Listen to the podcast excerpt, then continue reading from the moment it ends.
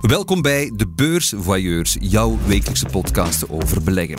De pionier van de portefeuilletheorie Harry Markovic is niet meer. Rust in vrede, Harry. En of de ECB het monetair beleid verder zal verstrakken en we binnenkort pastéis de nada zullen serveren, horen we, zoals alles over beleggen en meer, hier bij De Beursvoyeurs.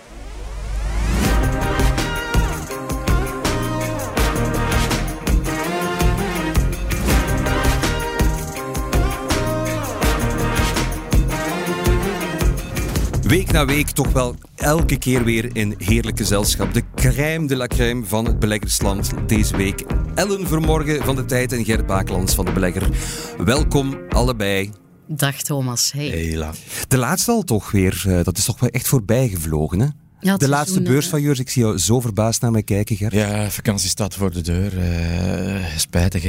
Ja, Ja. Dus, super spijtig, maar laat ze toch maar binnen. Uh, goed, in onze centrale stoel een dame deze week die voor haar functie als hoofdeconoom bekleedde jaren in de journalistiek zat. Meer bepaald als vast schermgezicht bij Kanaal Z.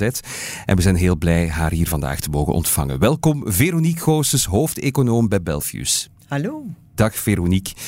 De twee andere mensen rond de tafel zullen jou ook wel bekend zijn, neem ik aan? Dat zijn twee oud-collega's. Ik dacht het wel. Zeer Ja, zeker. Ja. Ja, Ja, ja. heel lang met veel plezier uh, samengewerkt. hè. Dus het is walk down memory lane om, uh, Ja. om jou weer terug te zien, Veronique. Met superveel plezier. Ja, Alles goed met jou? alles prima. We hebben al wat collega's van de concurrentie te gast gehad. Nu is het tijd voor Belfius. Hoe gaat het daar bij Belfius? Boeiende tijden om hoofdeconoom van Belfius te zijn? We duiken van het ene fenomeen in het andere. Het begon met een handelsoorlog en dan gingen we naar COVID en dan kwamen we terecht in een energiecrisis. Nu zitten we met eh, inflatie die spannend hoog blijft en een ECB die een beleid ten uitvoer brengt dat ze nog nooit eh, ten uitvoer heeft gebracht. Ja, op dit Dus, moment ja. is het ook aan het gebeuren. De grote jamboree van de ECB in Sintra. Spannende tijden. Eh, Wat verwacht jij daarvan? We verwachten dat de ECB nog niet klaar is en dat eh, geeft mevrouw Lagarde nu zelf aan. Er, er zit nog wat aan te komen. Wij schatten in nog minstens 25 basispunten erbij, mogelijk zelfs nog 50 en dan zouden we op 4% terechtkomen. En dan gaan we een lange periode, wij schatten in toch wel een jaar ehm, van die hoge rente hebben in de korte termijn uiteraard, om die inflatie uiteindelijk naar beneden te krijgen. Want die is very sticky geworden. Heeft te maken met het feit dat ondertussen natuurlijk die looneisen in Europa zo stevig zijn geworden, omdat iedereen ziet dat zijn reële inkomen erop achteruit is gegaan. Ja. Behalve in België natuurlijk. We, zitten, we zijn nog niet aan de nieuwe patatten, om het eh, eenvoudige eh, boerenpummeltaal voor mezelf te vertalen. Wanneer is eigenlijk die interesse voor economie bij jou beginnen groeien? Toen de oprichters van Kanaal Z naar mij kwamen met de vraag: zou jij een economische anker willen zijn? En ik heb toen meteen gezegd: hola. En is Dat hola niet- positief of Dat niet? zal niet lukken. Ik heb geen economiediploma. Ah, ja, ja. Ja, maar probeer het toch maar.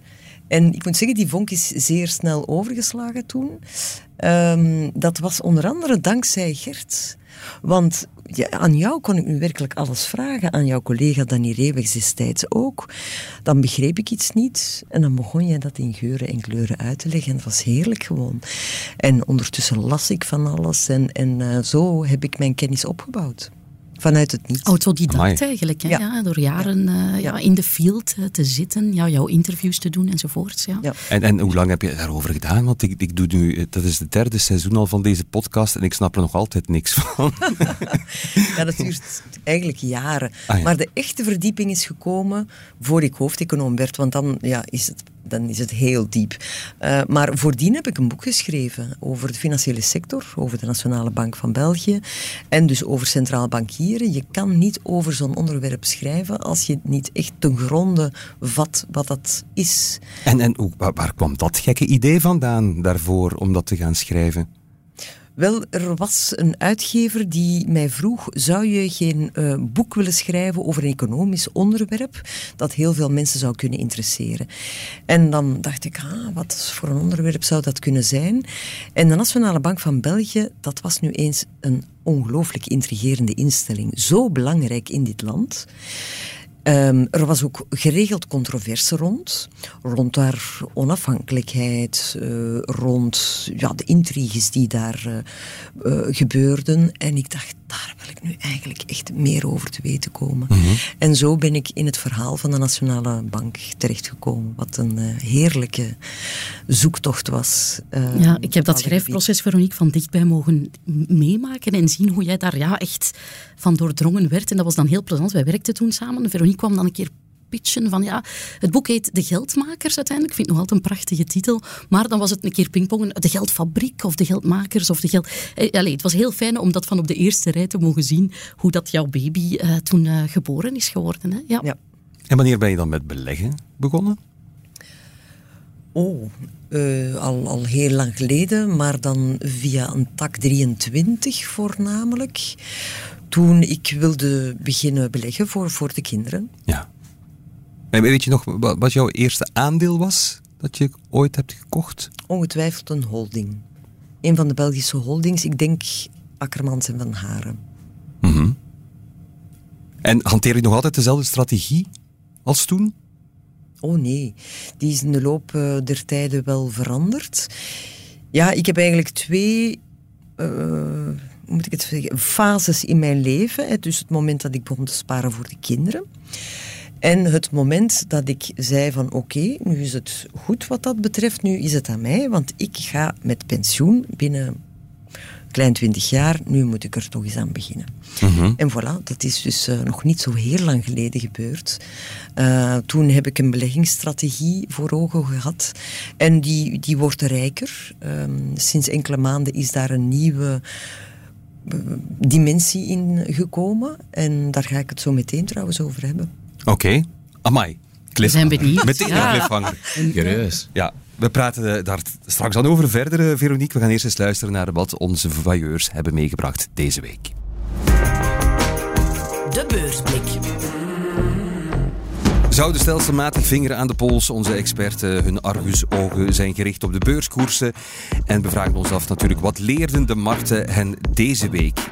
Ellen, wat heb jij meegebracht? Yes, jawel. Uh, ik denk uh, dat we eens moeten stilstaan bij wat er dit weekend uh, gebeurd is. Ik ben er nog amper van bekomen. Jij hebt gespeeld met jouw coverband op Grensrock. Dat was dat een was een leg legendarische moment ja, natuurlijk. Maar ja. iets oostelijker... Het verbleekt een beetje. In de, ja. ja. nee, inderdaad. Maar iets oostelijker van Menen, hè, waar jij op het podium stond, ja. ja. heeft er zich ja, iets disturbing afgespeeld. Met name die oproer, opstand, um, muiterij. We hebben verschillende woorden gehoord. Poging tot coup van Prigozhin, van de wagen Wagner-militie, die uh, op weg was naar Moskou om daar ja, wat te doen. We weten het nog altijd niet.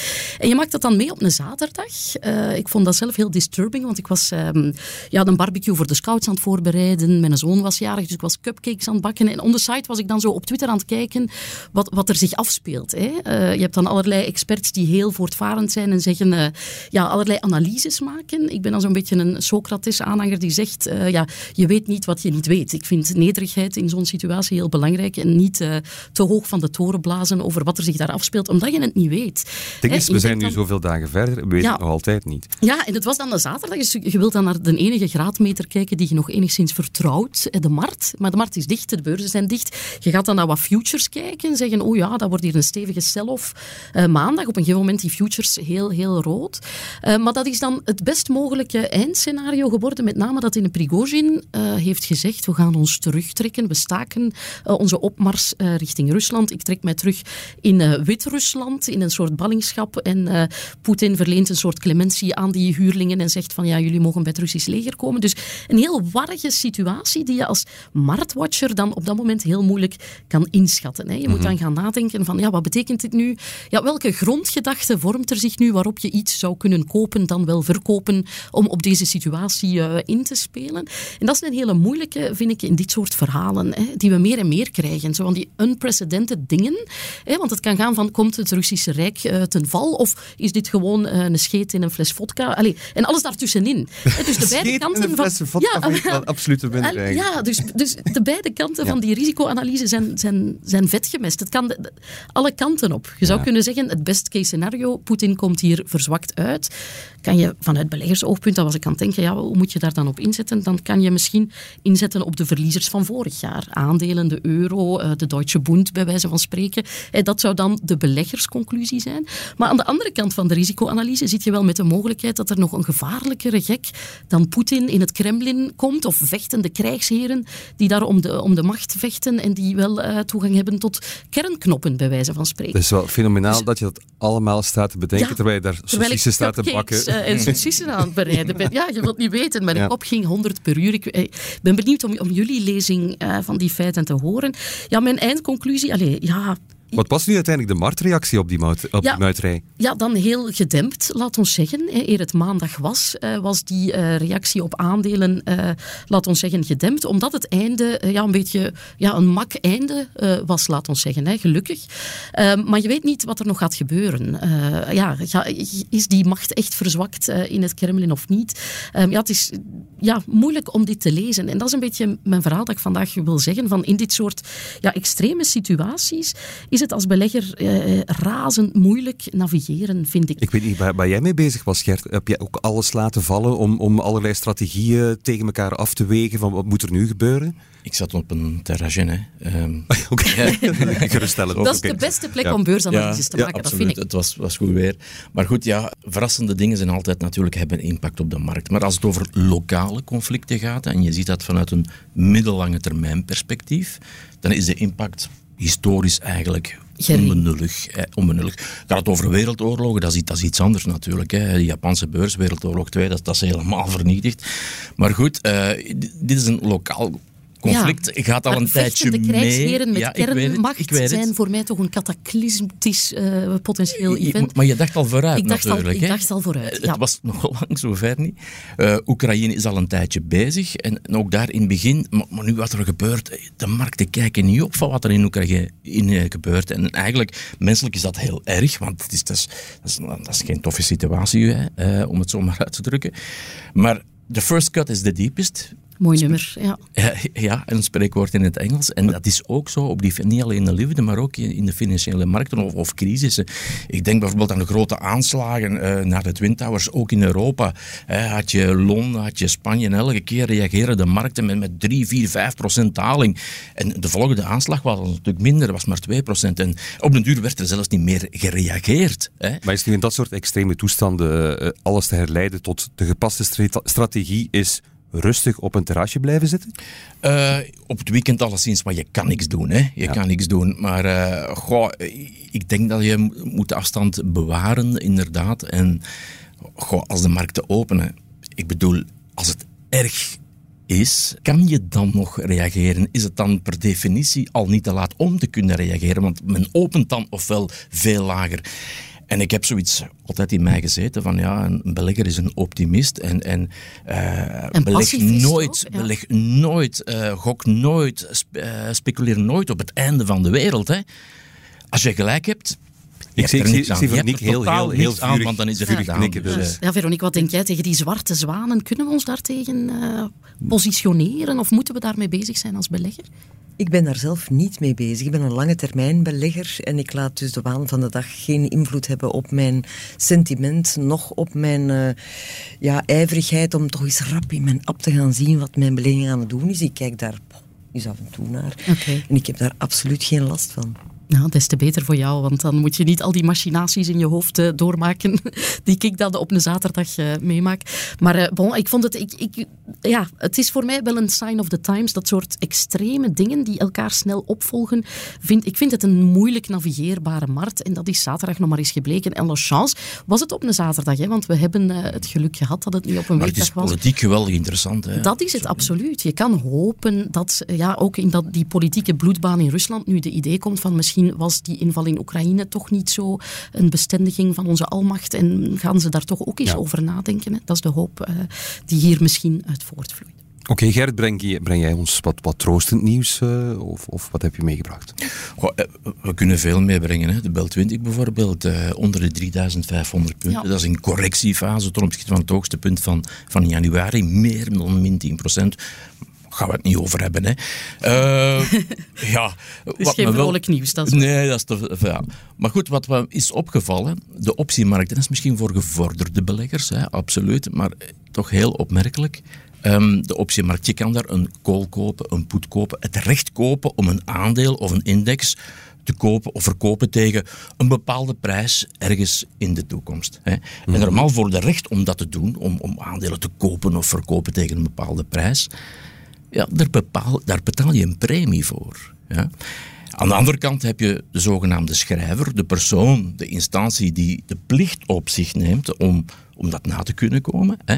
En die krijgt die intiepremie. Mm En wat zie je nu heel opmerkelijk op de financiële markten, dus op die optiemarkten, dat die premies dat die heel laag zijn. En die premies, ja, dat kan afhangen van, van de looptijd, van de uitoefenprijs, zelfs van de rente, van de volatiliteit van het aandeel of de index. Maar nu zie je zelfs dat op die langer lopende opties, tot zelfs december van dit jaar, dat de premie eigenlijk heel, heel echt En hoe, hoe verklaar je het dan? Ik zou het begot niet weten. Voilà, dat is weer de Socrates. Als je het niet weet, dan weet je het niet. Ik begrijp het ook niet, Gert. Waarom is het goedkoop om je tegen calamiteiten in te dekken? Hè? Want dat mhm. is wat je kan via die opties. Waarom is het nu goedkoop om je tegen gevaar in te dekken? Ik zou eigenlijk hyperduur moeten zijn om je nu tegen gevaar in te dekken. de, markt, de markt is blijkbaar heel gerust. Hè? Uh, ja. Heel gerust. Uh, dat is een veegteken, hè, denk ik. Ja.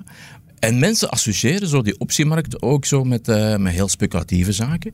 Maar goed, dus straks hadden we het over eh, Rusland, Oekraïne en de rest van de optiemarkt en lage premies. De optiemarkt kan je ook gebruiken om je portefeuille op een defensieve manier af te schermen.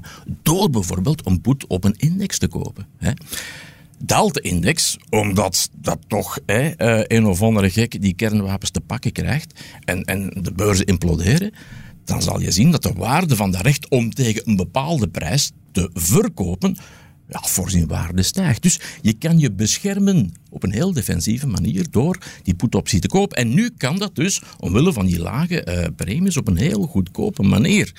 En wat merk ik vaak? Dat als er dan iets gebeurt, er is zenuwachtigheid op de markten, dan zie je dat, dat mensen ons telefoneren van zeg, kunnen we ons niet indekken, want hey, moeten we geen optie, geen put-optie kopen. En, maar op dat moment, als het dan gebeurd is, dan zijn die put-opties enorm duur. Dan zeggen we, ja, ja, je zou dat kunnen doen, maar het is, al gedaald. En, en, en die verzekering, want dat is het, hè, die is heel duur. Ik stel nu alleen maar vast en ik wil dat gewoon meegeven. Ze staan laag, het is misschien wel het, het moment. Het is goedkoop om zich te verzekeren. Mm -hmm. Oké. Waarvan akten, hè? Ja, dat, uh, dat moeten we inderdaad. Ja, dat kan. Tenzij die echt stuk is, hè, bijvoorbeeld die VIX-index, die angstbarometer. Ah, dat, dat kan ook kapot zijn.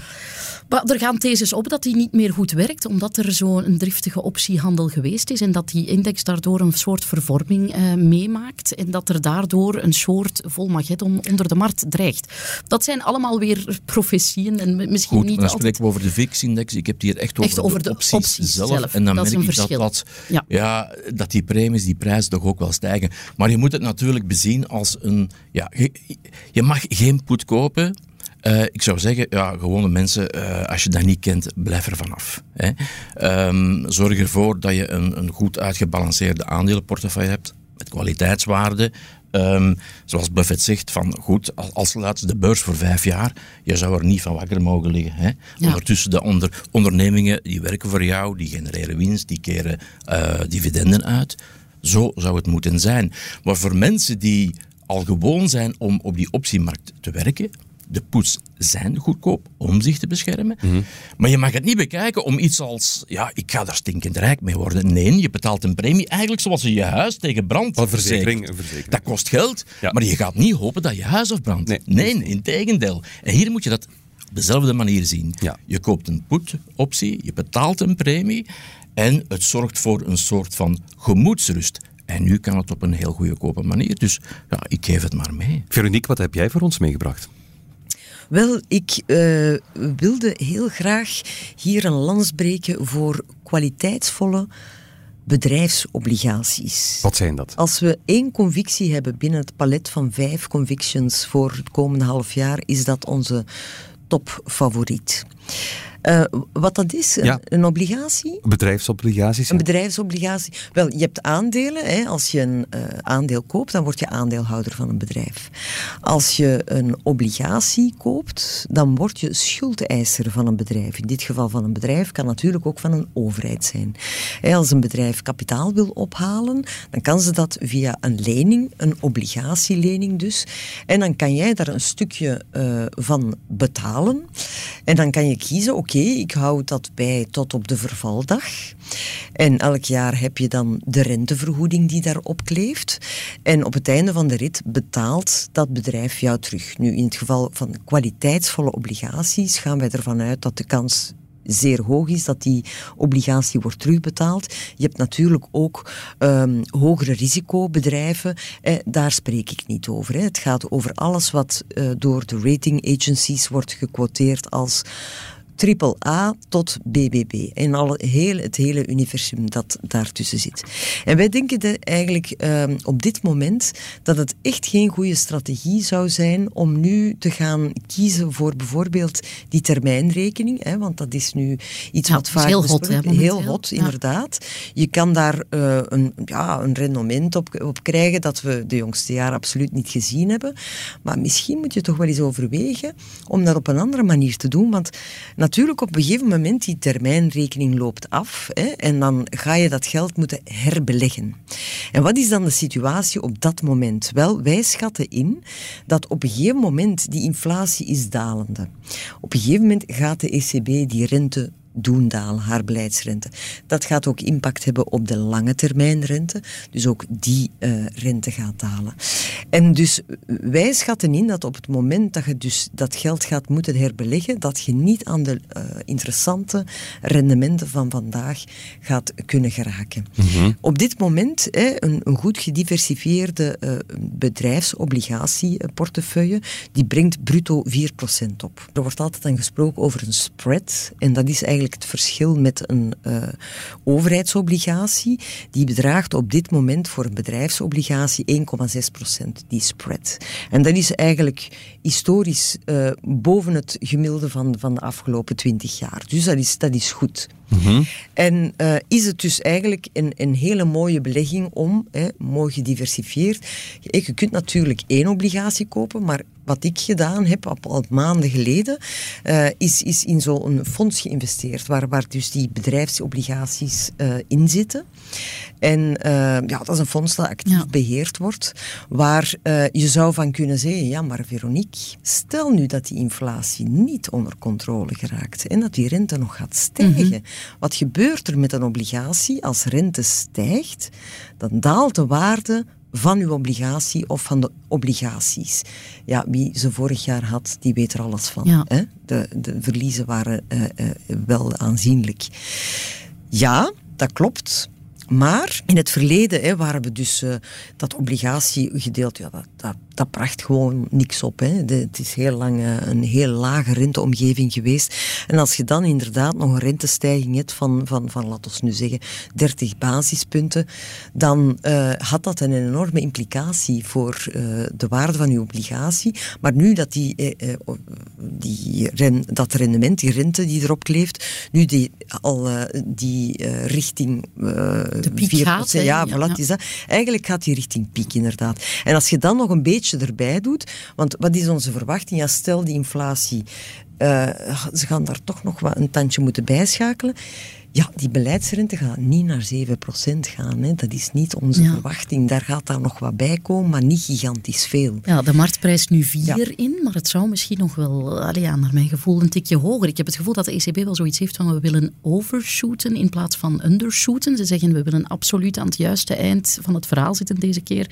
En hard, uh, allee, als ik, als ik uh, Lagarde hoorde in Sintra uh, dinsdagochtend, ja, dan weet je dat het, ja, zij, zij callen het nog niet. Hè. Zij zeggen niet, de, de piek is niet in zicht, uh, zeggen zij. Of we gaan die piek niet kunnen afroepen anytime soon. Dus dat is ja, iets om mee rekening te houden. Maar ja, ik snap het betoog heel goed dat je dat, allez, obligaties...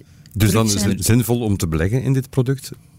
Ja, uh, ja, voor, ja, wel, ik vind het betoog van, dat, van Veronique dat dat heel, helemaal brood snijdt. Hè. Ik denk uh, dat de obligaties, de kwaliteitsobligaties terug zijn. Misschien sommige... Zeggen jullie dan overheid uh, met name niet?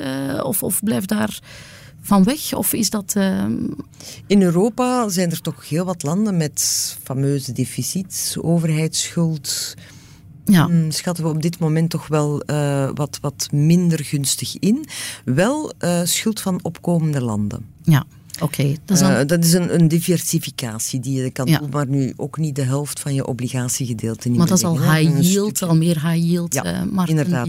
High yield bedrijfsobligaties uh, is een no-go voor je. Is een no-go. Ja. De spread is eigenlijk uh, ten opzichte van het historische gemiddelde over de afgelopen twintig jaar, is uh, aan de lage kant. Dus dat wil eigenlijk zeggen dat het risico dat men uh, vergoed krijgt, dat dat eigenlijk nog niet voldoende vergoed mm -hmm. wordt. Daar, daar, komt het op ja, Goed. En, en, wat die centrale banken betreft, is een verschil tussen de korte termijnrente en de lange termijnrente. En stel dat inderdaad die centrale banken overshooten en ze verhogen die rente, ja, dan zal dat een impact hebben op die economie. Zal dat die economische groei verzwakken. En dan zie je vaak dat daardoor die lange termijnrente naar beneden kan en dus een stimulans kan zijn, een positieve balans voor die obligaties. Absoluut, want die gaan dan in waarde stijgen. Hè? Dat is heel het punt.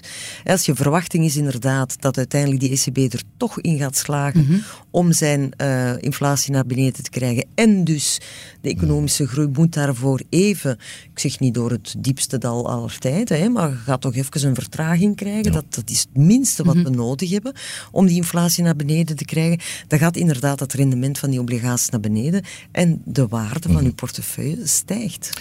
De algemene vraag is natuurlijk nog altijd, gaat die, zelfs die lange termijn rente nu, die toch wel gestegen is, ja, de voorbije dip sinds begin dit jaar eigenlijk, gaat die netto, na roerende voorheffing, gaat die alsnog de moeite zijn om die gemiddelde inflatie voor de komende jaren te compenseren? Hè? Want die inflatie, die is wel een beetje sticky, zeg je is sticky en die is structureel hoger in de toekomst. Mm -hmm. Dat is ook wat je in de inflatieverwachtingen ziet in de markt.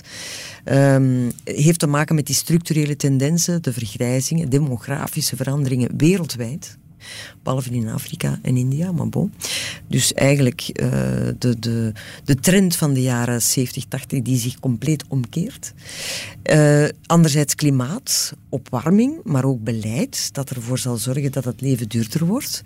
En dan heb je ook de reglobalisering, die is nu zo heel stoemelings is die aan het Reshoring. gebeuren. Reshoring voor een stuk. Uh, het verleggen van, van uh, de, de productieketens. Dat zijn allemaal processen die toch wel in zekere zin prijsverhogend werken. Dat wil daarom niet zeggen dat we, dat we inflatie van 5, 6 procent hebben, maar het zal toch wel wat hoger zijn dan we in het verleden gewoon waren, wat Zeker. nu overigens heel laag was. Hè. Mm. Um, dus uh, structureel hogere inflatie. Oké. Okay. Vailleurs, dankjewel. Het is tijd om Wanda alle aandacht te geven waar ze elke week weer om schreef en is in jouw portefeuille te kijken, Veronique.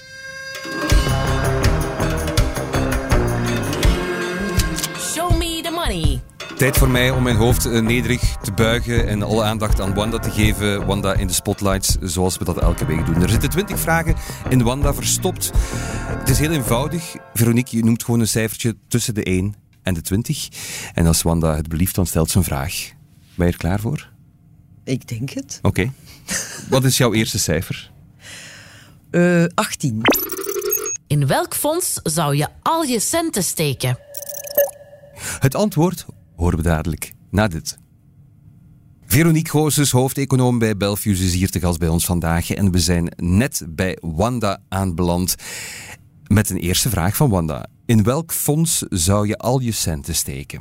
In geen enkel, tuurlijk niet. Je moet gediversifieerd beleggen, is mijn aanpak. Natuurlijk, je kan aankomen met het argument, ja, maar ja, in een fonds kun je ook een grote diversificatie hebben, obligaties, uh, uh, verschillende soorten bedrijven. Maar ik ben eerder een thematisch belegger. Want ik ben niet alleen iemand die op zoek is naar rendement, maar ik wil via mijn beleggingskeuzes ook investeringen in de juiste richting stuwen van waar we met deze samenleving naartoe moeten gaan. En waar focus je dan op?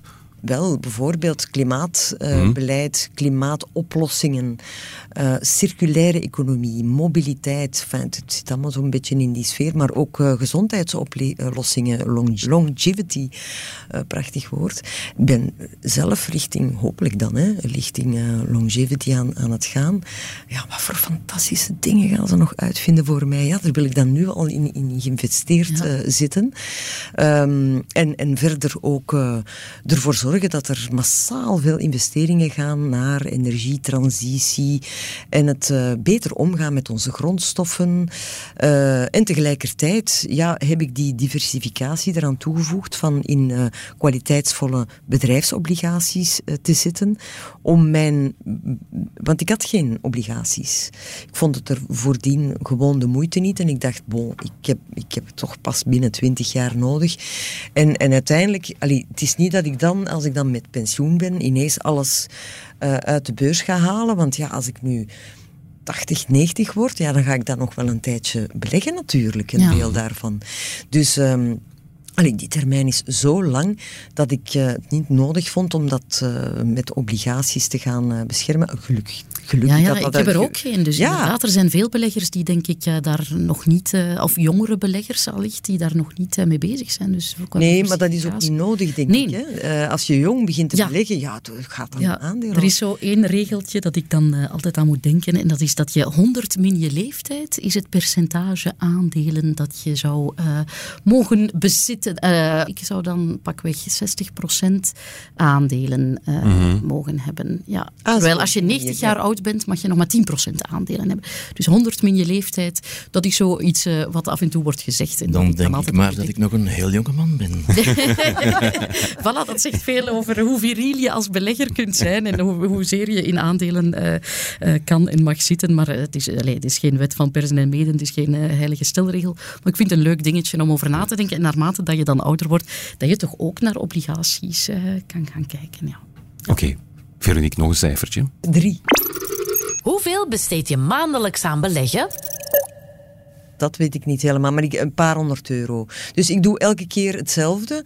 Dat zijn zo bestendige opdrachten, hè, dus dat eh, loopt gewoon weg automatisch. Ik denk daar niet over na. Ik ben ook totaal geen emotionele belegger. Dat is pure ratio, dat is puur... Ik breng hier een plan tot uitvoering en klaar is Kees. En, en nooit eens gaan kijken, Af en toe. tussendoor. Af en toe in de app kijk ik eens, ah ja, oké. ja. En niet, niet meteen naar aanleiding van, oh ja, er, er gebeurt weer iets dols en ik wil meteen de impact daarvan eh, aanschouwen, of het nu slecht of, of, of niet is. Nee. Hm, wauw. Ja, gewoon op gezette tijden, eh, ja. Ja. voilà, gestaffeld eh, beleggen. Zijn je dochters er ook eh, mee bezig? Hebben zij dat van jou geërfd, eh, dat beleggen? De jongste dochter is dat aan het doen. De oudste die heeft nog eh, te veel liquiditeit op korte termijn. Ja. Ja, dat is, en dat is heel goed. Dat is altijd een goede investering. Liquid, als je studeert, moet je liquiditeit eh, vooral Ja. op café opdoen, vind ik. Dus eh voilà, Eh, nee, alle, alle recht en reden. Ja. Nog een cijfertje? Acht. Apple of Microsoft? Ik heb het alle twee. Het is alle twee geniaal goed. Dus ik moet kiezen, hè. Mhm. Ze zijn alle twee veel te duur, volgens mij. Mm, allee, dan toch maar Apple. Dan zou je Microsoft droppen.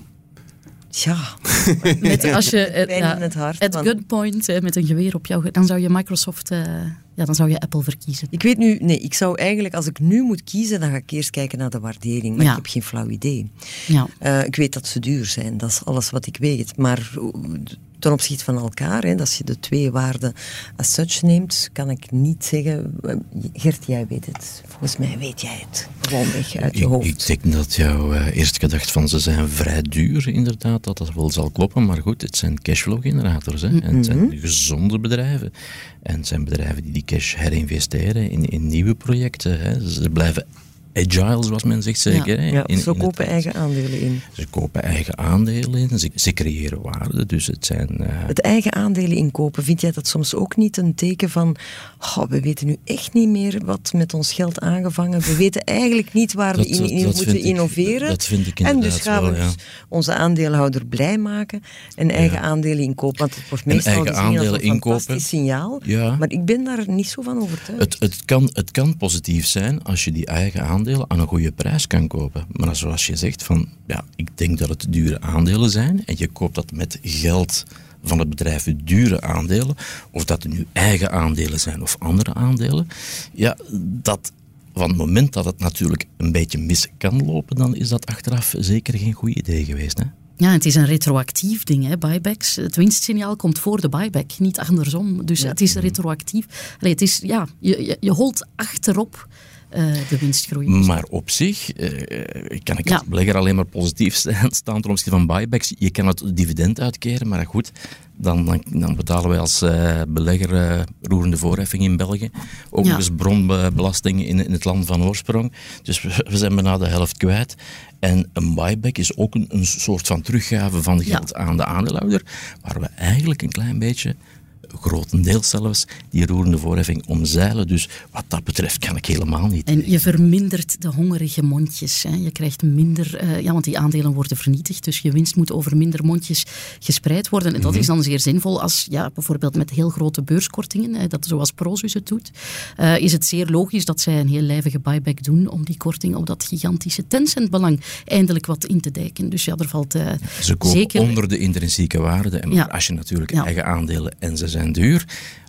Of, zoals je zegt, Veronique, ze hebben geen alternatief. Ze zijn zonder inspiratie. Dan kan dat natuurlijk eh, minder positief zijn. Daar ben ik mee akkoord. Mm Oké, nog eentje. Een allerlaatste cijfertje. 16. Wat was je beste beleggersperiode? Het eerste jaar toen ik uh, begon te beleggen voor fase 2 in mijn leven. dus richting pensioen opbouwen. Want je sprak daarnet van die twee fases. Ja, dat klopt. Inderdaad. We gaan eens denken, dat moet dan 2020... Uh, ik weet het niet. Ik, ik, probeer te, ik weet, veel mensen hebben toen uh, mooi rendement kunnen uh, behalen in de snelle heropleving na COVID. Ja, ik durf niet te veel met de natte vinger te werk te gaan. Het zal zoiets, het zal zoiets geweest, zijn. Ja. Oké. Okay. Dankjewel, Veronique, voor je openhartigheid. Dat was allemaal heel boeiend. Uh, nu hoor ik toch vooral dat er iemand ongeduldig wordt. Dat is onze luisteraar. Die heeft een vraag voor onze experten. Laten we daar eens naar luisteren. De hulplijn. Tijd om de handjes uit de mouw te steken voor u, beste luisteraar. Deze week komt de vraag van Robin. Een goeiedag, Robin. Dag weer, Hey, dag Robin. Robin. Robin, wat is jouw vraag? Ja, eerst en vooral bedankt dat jullie mijn vraag willen uh, behandelen. Um, mijn vraag heeft te maken met de stijgende populariteit van ETF's. ETF's um, worden steeds populairder, waardoor eigenlijk het geld steeds meer naar dezelfde bedrijven vloeit. En ik vroeg me af of dat er op termijn geen gevaar in zit, omdat die waardering van die bedrijven op die manier serieus kan, uh, kan oplopen.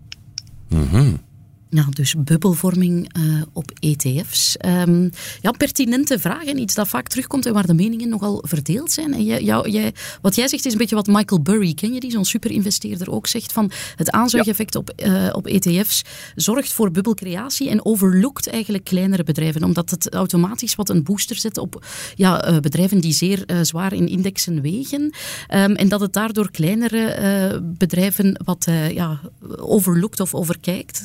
Um, anderen zeggen dan weer, ja, een ETF is eigenlijk maar gewoon een kanaal naar de aandelenmarkt. Hè. Uh, dat, is niet, uh, dat, dat heeft niet de intrinsieke kenmerken om een bubbel te vormen, omdat het, uh, de prijs daarvan zit verankerd op wat de onderliggende activa zijn. Hè. Dus dat, je kan niet die spiraal hebben van je blijft dat kopen, kopen, kopen en, en dat dat kan een intrinsieke bubbel vormen. Daarvoor uh, is een ETF uh, ja, qua, qua, structuur van product uh, niet toepasselijk. Meningen verschillen daar dus over. Het is zeker zo dat er veel mensen ETF's kopen. En op zich zie ik daar niet echt een probleem in, omdat die ook alle hoeken van de markt afdekken. Hè. ETF's, je kan ETF's op bijna alles kopen. Hè.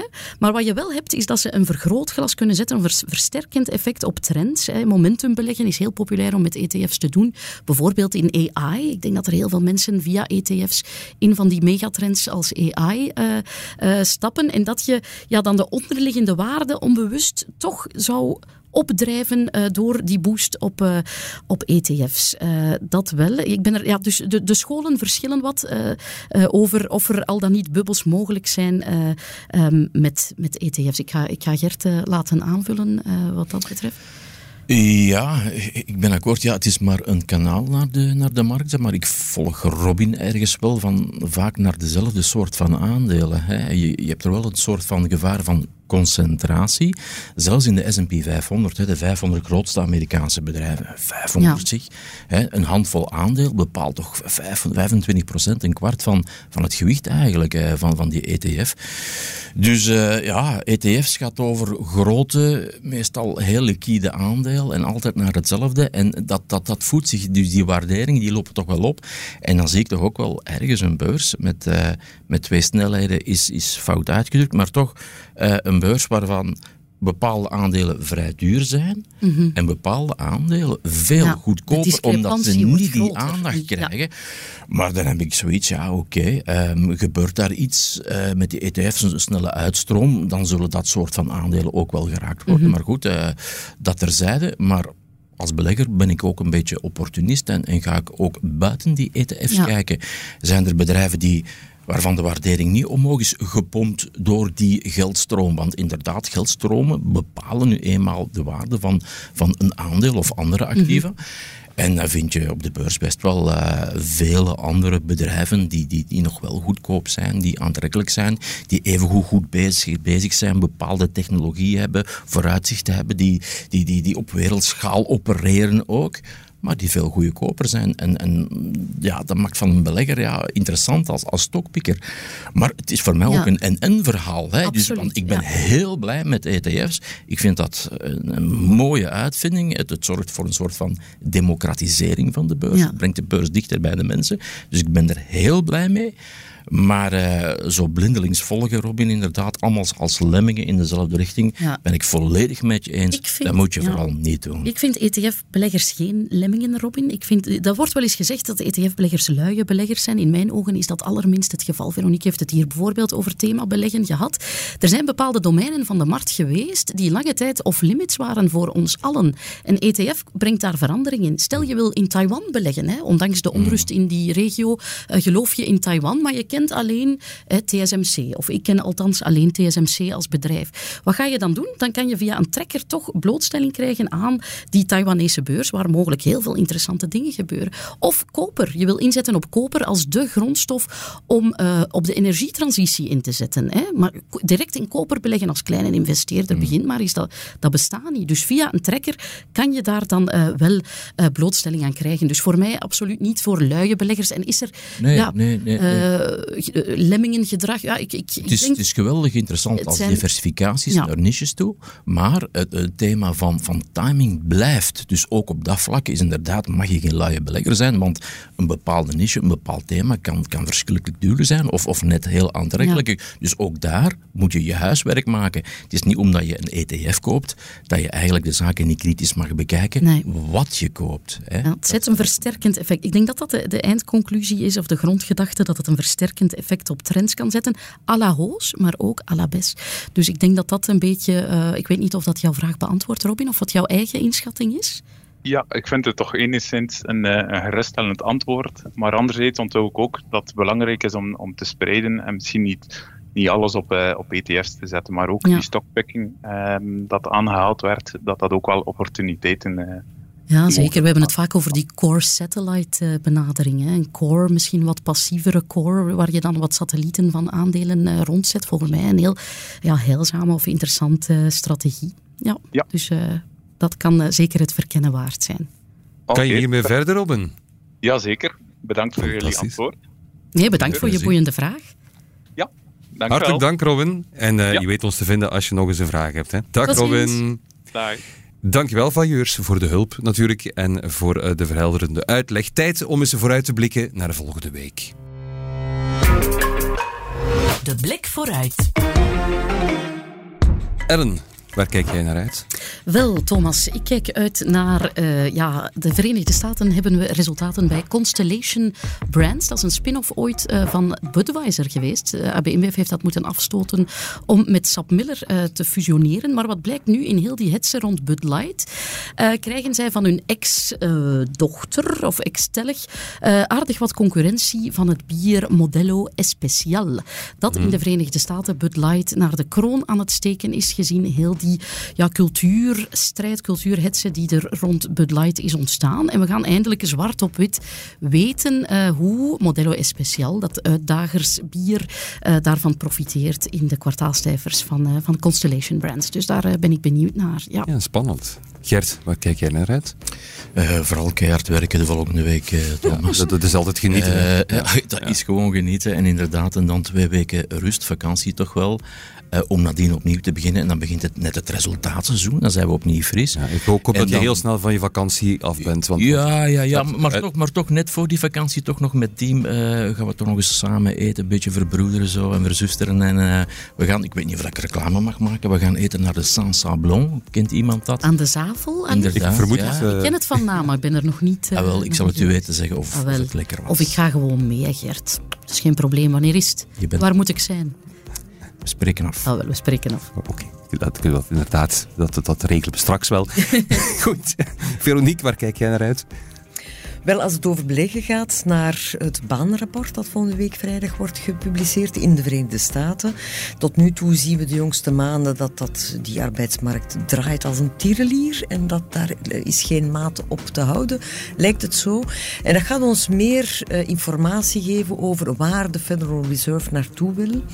Uh, mogelijk zitten er zelfs nog twee renteverhogingen aan te komen daar in de Verenigde Staten.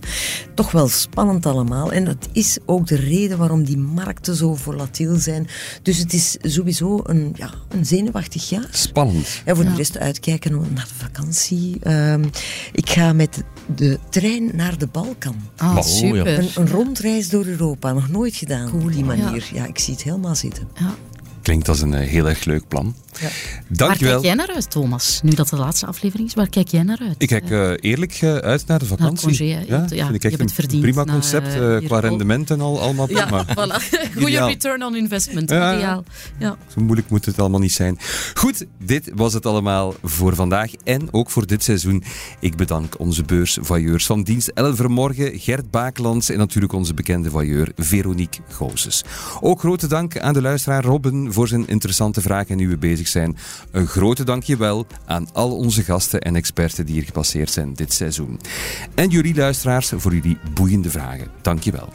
Onze laatste aflevering dus helaas, maar ben je niet uitgeluisterd, dan heb ik goed nieuws. We hebben een extra aflevering voor jullie klaarstaan in onze app. Een nieuwe aflevering van de Beurs Voyeurs Off the Record. Dit keer met Duco Sikkingen, ex-topman van Telenet, nu Managing Director bij Fortino Capital. Graag tot volgend seizoen.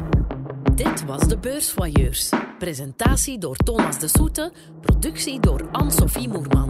Mis het beursnieuws niet op tijd.be.